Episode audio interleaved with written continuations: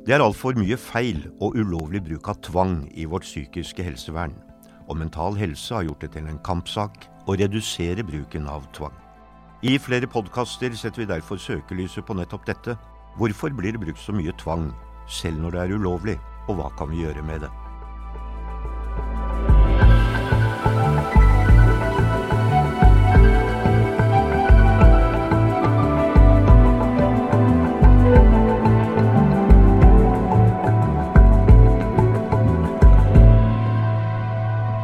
Velkommen til Mental Helses podkast om tvang i psykiatrien. Jeg heter Oddvar Stenstrøm. Velkommen, Arnhild Lauving. Takk.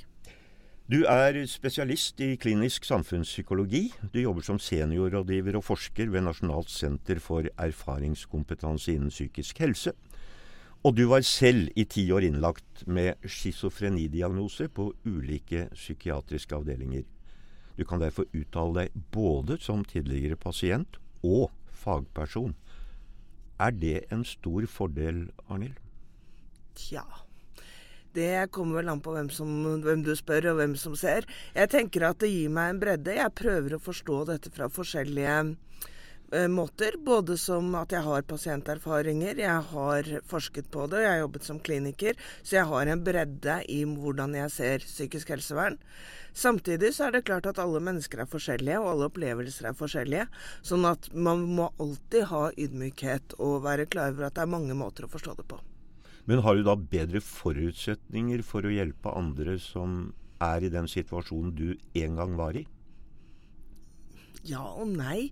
Jeg tenker at for noen så kan det være en bra. Altså jeg har en ydmykhet, jeg har en forståelse, og jeg har i hvert fall ikke noe sånn der at tanke om at mennesker med psykiske lidelser er veldig annerledes enn andre. På en annen side så igjen, mennesker er veldig forskjellige, og jeg tenker at det er noen som jeg får god kontakt med, andre som det ikke fungerer så bra med. Så sånn er det med alle. Du sier mennesker med psykiske lidelser er ikke så mye annerledes enn andre. Det er mange som vil tro det, men det er ikke riktig. For det første så er det jo veldig vanlig å få en psykisk lidelse i en eller annen form. For det andre så må vi jo om, slutte å snakke om psykiske lidelser som det var én ting. Vi snakker jo ikke om somatiske lidelser sånn 'kollegaen min ble somatisk syk'. Det er jo helt meningsløst. Så at det er veldig forskjellig, og det kan ramme hvem som helst. Og dessuten, selv om du har en psykisk lidelse, så er du det jo ikke. Du er jo et menneske med personlighet og historie og alt det andre, og det er stort sett viktigere enn diagnosen. Du var medlem av Tvangslovutvalget, som har kommet med forslag til hvordan vi kan redusere uønsket og unødvendig bruk av tvang i psykiatrien. Med din grundige kjennskap til dette, for dere jobbet lenge i dette utvalget, hva er egentlig situasjonen? Er det mye tvangsbruk i psykiatrien vår? To små ting som jeg vil korrigere. For det første så så vi på hvordan vi kan redusere bruk av tvang i helsevesenet. Ikke bare innen psykisk helsevern. Eh, både for mennesker med somatiske lidelser og manglende beslutningskompetanse. F.eks. mennesker med demens som også er psykisk eller fysisk syke. Dessuten for mennesker med rusproblemer og med psykiske lidelser og med ulike former for psykisk utviklingshemming og kognitiv funksjonssvikt. Så vi prøvde å sammen, se om vi kunne sammenfatte fire ulike lovverk i ett felles lovverk for å unngå sånne diagnosespesifikke lovverk og, som er stigmatiserende. Det er nå det første. Det andre ja, det brukes unødvendig mye tvang. Fordi vi har gjort en del forsøk, eh, og bl.a. gjennombruddsprosjekt, Lovisenberg-prosjektet. Og det vi ser, er at når man forsøker systematisk å redusere bruken av tvang, ikke nødvendigvis fjerne alt, men redusere den, så går det helt fint. Vi ser også at det er store regionale forskjeller som ikke kan forklares bare ut fra demografi. Og det vil si at når én avdeling Det kan være samme, to avdelinger på samme sykehus, hvor avdeling A bruker veldig mye mer med tvang enn avdeling B, og de tar inn annenhver pasient som blir henvist. Da er det helt opplagt at det er miljøet mer enn eh, ting ved pasientene som gjør at vi bruker mye tvang. Du nevnte Lovisenberg-prosjektet. Der reduserte de altså bruken av tvang med eh, litt over 80% i løpet av relativt kort tid. Mm. Betyr det at det egentlig bare er vilje det står på? Nå har jeg som en del av tvangslovutvalget lest meg opp på veldig mye forskning. Flere hundre artikler. Og ja, det begynner stort sett med en beslutning, enten på nasjonalt nivå, at man endrer lovverk, eller lokalt, sånn som på Lovisenberg. At man sier vi vil redusere bruken av tvang. Og da får man det stort sett alltid til.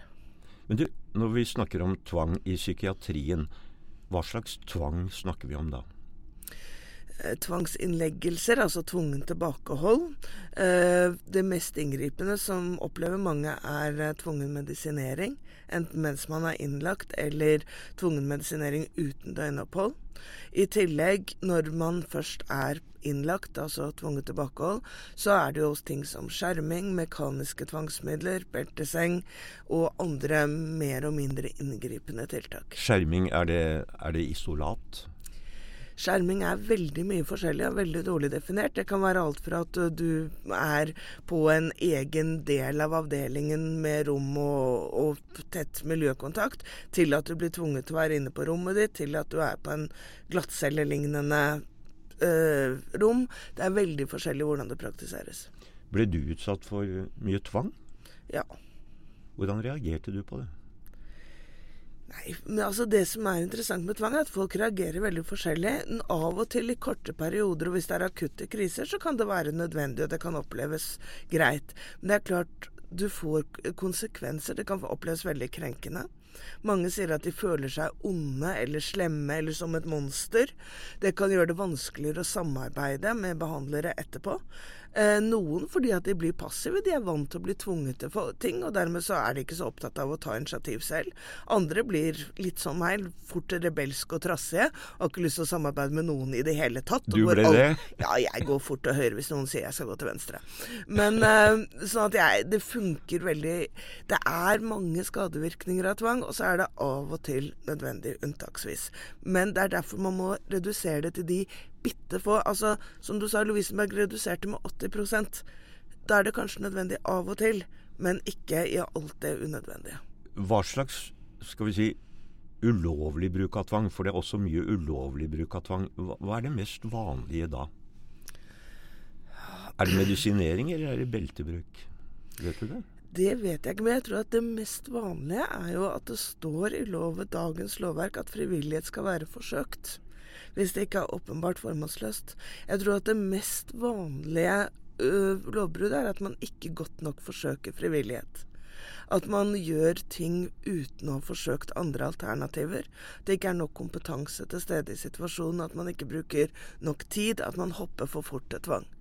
Så er det jo selvfølgelig også påvist at folk blir innlagt for lenge, for mye, at man ikke får eh, informasjon om rettigheter. Så mye forskjellig. Nøyaktig hva det er det er mest ulovligheter på, det kan jeg ikke si. Men jeg tror faktisk at det å prøve ut alternativer er vel der det sviktes aller mest. Men det er jo som du sier, klare regler for bruk av tvang. Og når man bryter de reglene, er det sånn at helsepersonell gjør dette med åpne øyne og simpelthen gir blaffen i regelverket? Jeg tror ikke det er noe særlig hensiktsmessig å demonisere helsepersonell. Jeg tror at det, eh, noen er ikke godt nok orientert om lovverket. altså De vet ikke hvordan de best skal følge det. Men jeg tror det handler mye om rammer. Altså De har ikke tid. De har ikke nok kompetanse. Vi, NAPA hadde en rapport om at det ble brukt mye ulovlig tvang i boliger for mennesker med psykiske lidelser. Der er det jo ikke lov til å bruke tvang i det hele tatt. De skal ikke bruke tvang i, det er ikke lov. Men uh, dette er personers eget hjem. Men det brukes allikevel tvang der, fordi de som jobber der, har ikke nok kompetanse. De vet ikke nok om alternativene. De får ikke veiledning nok. Og når det kommer en akutt situasjon, f.eks. en person vil gå ut naken midt på natten om vinteren, så tenker de jeg må jo bare holde han tilbake fordi at jeg kan ikke la han fryse i hjel. Og så bruker de kanskje mer vold og tvang og makt enn de hadde behøvd å gjøre hvis de hadde hatt mer kompetanse. Men ut fra det du har sagt så langt, så sitter jeg med en følelse av at tvang kan egentlig gjøre vondt verre. Riktig. Ja, det er helt opplagt at det kan gjøre vondt verre. Men det som er så komplisert, det er det at du får meg ikke til å si du får meg ikke til å lage noen sånne der eh, demongreier. fordi at av og til, 20% 10% 2% så er tvang riktig og nødvendig. Men det neste av tvangen som brukes i dagens helsevern, er unødvendig og gjør ting vondt verre også for personalet. Når jeg leser forskning, så ser jeg at de avdelingene som får til å redusere tvangen, de får jo ikke mer skader, verken på ansatte eller pasienter, hvis de gjør noe fornuftig i tillegg. Altså, du kan ikke bare redusere tvangen og så sitte der og ikke gjøre noen ting. Da må du ha andre gode tiltak. God behandling, god oppfølging, relasjonsbygging, tillitsskaping. Men gjør du det, så får du ned sykefravær hos de ansatte samtidig som du reduserer tvangen og får mindre krenkelser hos pasientene. Så det er en vinn-vinn-situasjon? Situasjon. Det er vinn-vinn. Men nå får vi da likevel, med jevne mellomrom, og vi har fått det i tiår etter tiår, avsløringer i mediene om utstrakt ulovlig bruk av tvang. Når vi vet det vi vet, som du forteller oss nå, hvorfor skjer ikke noe? Hei, det er ikke godt å svare på. Jeg tror det har det må, Vi er blitt vant til at dette er greit. Det er eh, Det får ikke så store konsekvenser. Det er lovbrudd innen psykisk helsevern. Er det noen som blir straffet for det? Skjer det noe? Mister blir, Får de dagsbøter på sykehusene hvis de bruker for mye beltesenger? Nei, egentlig ikke. Samtidig så er det ikke nok rammer til å forebygge tvang. Det er ikke nok kompetanse. Vi har ikke Det blir tvunget gjennom medisinfrie avdelinger, men det er ikke satt i gang omfattende forskningsprosjekter på medisinfrie alternativer. Eh, det er ikke bygd opp en eneste medisinfritt akuttilbud til de aller, aller sykeste pasientene som kunne vært forsket på de mange av de medisinfrie tilbudene er for pasienter som er i fase hvor de er nokså stabile og klarer seg bra. Jeg tenker at det vi virkelig trenger nå, det er et uh, stort, omfattende prosjekt som tar inn de sykeste pasientene, vanlig akuttavdeling, men behandler de med mindre tvang og mindre medisinering. Men vi, vi lever jo da i et sivilisert samfunn. Og som du sier, vi kan bryte lover og regler gang på gang på gang på gang. Ikke noe skjer. Men Hvorfor skjer det ikke noe? Hvem er det egentlig som har ansvaret for det? Vi har jo noe som heter kontrollkommisjoner. Gjør ikke jobben sin? Jo da, kontrollkommisjonene gjør jobben sin, eh, på hvert fall til en viss grad. Men kontrollkommisjonene ble jo opprettet på 1800 og den tid, og har ikke hatt en hel Vet du hvordan, vet du hvordan Altså, kontrollkommisjonenes område er jo lagt opp etter hvor det var mulig å bytte hesteskyss. Sånn at det er noe med at det er kanskje på tide å oppdatere kontrollkommisjonsarbeidet litt. Hva mener du med hvor det var mulig å bytte altså, hesteskyss? Ja, det, det, er lagt opp til sånn hvor de kunne bytte hester og sånn, ut fra de regionale, og ut fra hvordan helseforetakene var bygd opp den gangen på 1800-tallet. Så at dette er litt utdatert. Eh, så gjør de veldig mye bra, og det er selvfølgelig oppdatert faglig osv. underveis, men jeg tenker at selve systemet med at det er tilknyttet sykehusene, at folk kan sitte i komiteene ganske lenge. Det er kanskje, De gjør mye bra, og jeg tror det ville vært mye verre uten kontrollkommisjoner. Men det er også kanskje på tide å oppdatere det systemet litt. Men jeg tror først og fremst dette handler om ikke bare kontrollkommisjoner, ikke enkelt helsepersonell, men at vi som samfunn, som du sier, kanskje vi ikke syns det gjør så mye. Dette er jo folk som er alvorlig syke likevel. Det er folk som kanskje ikke har en veldig sterk stemme i samfunnet. Det er folk som kanskje ikke skal tilbake, raskere tilbake til arbeidslivet. Folk som er uføre over lang tid. Kanskje vi rett og slett ikke bryr oss så veldig mye om hva som skjer. Tror Med, du det? Jeg er av og til litt redd for det. Jeg er av og til litt redd for at hvis det var andre grupper i samfunnet som hadde blitt behandlet på den måten, så hadde vi ikke godtatt det. Men jurister har jo funnet ut at menneskerettighetene i denne sammenhengen brytes systematisk i våre psykiatriske institusjoner. Og hvordan kan et samfunn bare se på at det fortsetter? Nei, det forstår jeg ikke, og jeg syns ikke vi kan se på det. Men det er noen som mener at dette skjer fordi politikerne lar det skje. Er det ikke stor nok politisk interesse for å gripe inn og gjøre noe? Nei, jeg tror ikke det. Og jeg tror det fortsatt er fordommer rundt f.eks. For at psykiatriske pasienter er så farlige.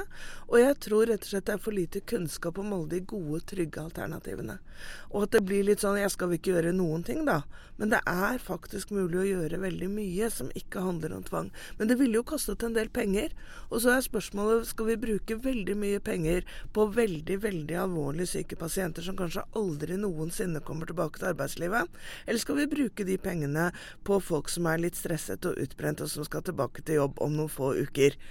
Hvor skal vi prioritere? Skal vi prioritere de veldig veldig psykotiske i bolig og sørge for at de får nok terapi, eller skal vi sørge for at kollegaen vår som ligner på oss selv, kommer raskt tilbake til jobb, sånn at ikke det blir så store tap for samfunnet? Ja, hva, hva skal vi? Jeg mener jo faktisk at vi skal jobbe mest med de alvorlig syke. At jo sykere du er, jo høyere kompetanse skal du ha. Så skal vi også selvfølgelig gi tilbud til folk med lettere psykiske lidelser. Selvfølgelig skal vi det. Men jeg mener at vi uansett om folk skal komme raskt tilbake til jobb eller ikke, så har vi en human forpliktelse til å gi høykompetent hjelp til de mest alvorlig syke. Og dessuten, jeg har jo selv vært på ø, sykehjem, altså aldershjem, i flere år. Var oppgitt som kroniker. Ja, det kosta litt å få meg tilbake på beina igjen, men jeg betaler skatt og er billigere i drift nå. Så jeg tenker at selv det å satse på der hvor du må satse litt mer, så er det også uh, inntjeningsmuligheter. For du, uh, Arnhild, du, du, sier jo nesten selv noe, men uh, du har jo ikke bare kommet deg på beina igjen. Du har jo blitt psykolog. og det er jo, Vi kommer ikke unna å spørre deg hvordan fiksa du det oppi alt det andre? altså, jeg gjorde jo en ting av gangen. Jeg jobbet jo først med å komme meg på beina igjen. Og så, når jeg var blitt friskere og hadde fått mye støtte, da kunne jeg ta utdanning som psykolog. Mye hardt arbeid, tett arbeid rundt meg, en god ansvarsgruppe med mange mennesker, en god plan, systematisk plan som ble evaluert, tett oppfølging, systematisk oppfølging over flere år. Og det viser forskning òg, det hjelper. Alle selvfølgelig, får selvfølgelig ikke høy utdanning, men mange kommer tilbake i arbeid. Mange får bedre livskvalitet og bedre liv. Og det det som er interessant, er jo at når vi snakker om tvang, så snakker vi hva skal vi gjøre inne på akuttavdelingene. Den viktigste forebyggingen av gjentatt, repetert tvang skjer ute i kommunene. Bedre bofellesskap, bedre boforhold, tettere eh, oppfølging, noen å ringe til etter klokken fire. Eh, mulighet for bakvakt for eh, hjemmehjelp og psykiatrisk team. Altså mulighet til høykvalifisert hjelp der folk bor når de har kriser, men også Forebygging i form av arbeidstilbud, aktivitetstilbud, andre tilbud, fritidstilbud. Så må vi se på folks økonomiske situasjon. Det er ingen som blir friskere av å være fattig, sulten, feilernært. Og ikke ha noe å gå til, og være så isolert at du ikke har råd til en bussbillett. Altså Det er noe med Tvang forebygges ofte ute i kommunene i hverdagen. Når det topper seg, ja da er det kanskje ikke noe mer å gjøre enn akkurat kortvarig tvang. Så må vi se på hva skal vi gjøre for å forebygge. Og der svikter det også. Der svikter veldig mye. Du hører på Mental Helses podkast om tvang i psykiatrien. Vår gjest er Arnhild Lauveng, som er spesialist i klinisk samfunnspsykologi. I sommer leverte tvangslovutvalget som du var medlem av, Arnhild, sin innstilling. Hva mener dere uh, i korte trekk må skje for å få redusert tvangsbruken? For det første mener vi jo at tvangsbruken skal reduseres, men vi vil ikke forby all bruk av tvang. Vi vil ha klarere regler, og vi vil først og fremst ha en gjennomføring som gjør at du har en klageadgang, du har rett til å få gjennomført ting. Vi gir ikke folk nye rettigheter til helsehjelp, men vi gir dem et system for at de skal få gjennomført og faktisk få de rettighetene som de eh, har i dag, men som de ikke får i dag. Blant annet så sier vi at uh, helsepersonell har plikt til å gi et frivillig tilbud som pasienten ikke motsetter seg. Vi sier at folk har rett til å få et helhetlig og systematisk og godt nok frivillig tilbud før tvangs kan brukes. Så det er en rett og en plikt. I tillegg så foreslår vi å oppdatere, altså erstatte kontrollkommisjonene med tvangsbegrensningsnemnder. Ikke som pasienten skal klage til, men mer alvorlige inngripende tiltak som varer over 30 dager, eller repeterte tiltak, skal opp i nemnd. Det er også helsepersonell som må søke om tvang, ikke pasienten som skal klage på tvang. Og de nemndene har Dette er litt genialt, dette er helt nytt. De har mulighet til å samle både pasient, eventuelt pårørende, helsepersonell fra spesialisthelsetjenesten og kommunene og andre som er involvert, sammen rundt et bord og si hva skal til for at vi kan stoppe denne tvangen, og at det ikke skal bli nye tvangssituasjoner. Hvis det som skal til f.eks. er et bedre botilbud i kommunen, eller et bedre aktivitetstilbud i kommunen, så kan kommisjonene gi et juridisk bindende pålegg til kommunen om å gi folk et godt nok helsetilbud for å forebygge tvang. Det er helt nytt, og det håper jeg virkelig blir vedtatt, for det vil virkelig endre hele spillets regler. Men eh, da jeg leste den innstillingen, så la jeg spesielt merke til at dere vil totalforby bruk av belter. Er det mulig å få til i praksis? Ifølge den forskningen jeg har lest, ja. Men du må gjøre noe annet fornuftig. Du må, du må, tilby annen form for behandling. Du må kanskje ha mer kompetent personale på jobb. Personale som kan jobbe med deeskalering, relasjon, traumesensitiv omsorg. Du må kanskje bygge noen nye sanserom hvor folk kan ha vektdyner eller høre på musikk eller få massasje. Et uh, veldig spennende forskningsprosjekt fra Danmark hadde, uh, har fått inn fysioterapeuter. Sånn at når folk begynner å kave seg opp, så kommer det en fysioterapeut istedenfor en belteseng. De har nesten nesten fått vekk bruk av beltesenger bare ved å tilby folk massasje eller tilpasset aktivitet eller noe helt annet. Det finnes mange morsomme ting vi kan forske på. Men dette er omstridt. Tror du at eh, forslaget vil gå igjennom? Vi foreslår å fase det ut i løpet av tre år, parallelt med at man bygger opp tiltak. For det har hele tiden vært balansen vår. Skal, vi skal redusere tvangen, men vi skal gjøre det på en måte som er forsvarlig. Hvis vi bare hadde sagt nå forbyr vi absolutt all bruk av alt, så ville det redusert tvangen, men det ville vært uforsvarlig. Så det er en balanse. Og ja, jeg tenker at all forskning sier at dette går fint, og dette er helt forsvarlig. Dere vil også stramme inn reglene for tvangsmedisinering. Mm. Hvor viktig er det? Det er ekstremt viktig. Forskningen på medisiner er såpass dårlig, særlig når det gjelder langtidseffekter, at egentlig så burde det ikke vært tillatt å gi medisiner med tvang i det hele tatt. Når vi ikke forbyr, foreslår å forby all tvangsmedisinering, så er det fordi en del pasienter faktisk har nytte av det, og sier selv at de har nytte av det, og fordi vi tenker at akkurat per dags dato så vil det være uforsvarlig. Men vi strammer det inn, sånn at vi også her kan bygge opp med andre tilbud. Det er utrolig viktig at man da får andre tilbud. I lovteksten så står det før man kan tvangsmedisinere, så skal pasienten få omfattende og egnet ikke-medikamentell behandling i syv dager. Så leste jeg nå i helgen en kronikk fra en psykiater som sier ja, men nå skal utredningsfasen vare i syv dager. Det er ikke noe utredningsfase. Det er syv dager med omfattende og egnet behandling. Vi må få snudd den der tanken om at behandling er medisiner. Og så må vi få på plass all den andre behandlingen. Eh, åpen dialog, relasjonsbehandling, traumesensitiv omsorg, sanserom, dyreassistert terapi, musikkterapi. Alt det vi vet virker, og så må vi forske på nye ting som også kan virke. Men vi har jo fått lover før også som skal sikre pasientenes rettigheter. Men så har det likevel ikke skjedd forandringer ute i institusjonene. Fordi gamle vaner er vonde å vende, og hvis de nye reglene går på tvers av det som er kultur og praksis, så skjer det ofte ikke noe. Det har skjedd en del endringer etter um, loven om samtykkekompetanse i 2017.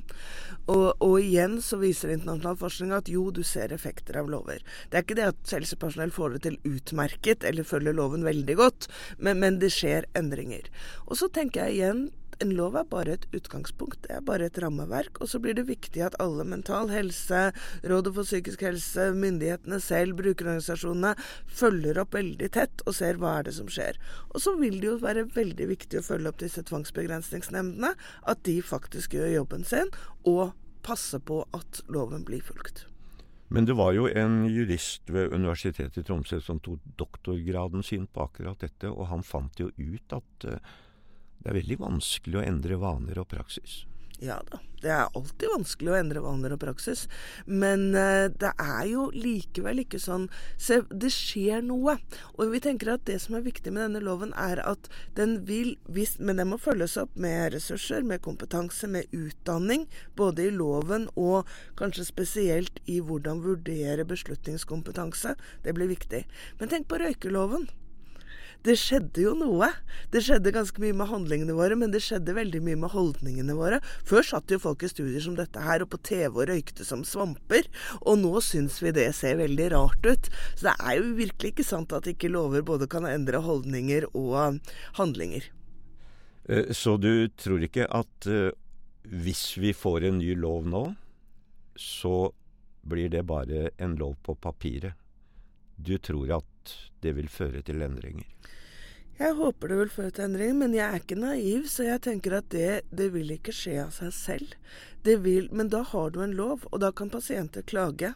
Da kan brukerorganisasjoner og alle vaktbikkjene vi har i samfunnet, Likestillingsombudet, Rådet for psykisk helse, mental helse, altså alle disse, kan følge opp og si der ble det brutt lov, der ble det brutt lov. Så vil det komme advokater, så vil det komme rettssaker.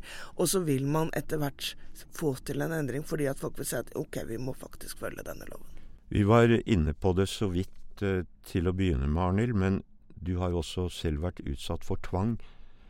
Har du noen spesielle hendelser som kan liksom beskrive hvor uheldig det kan være?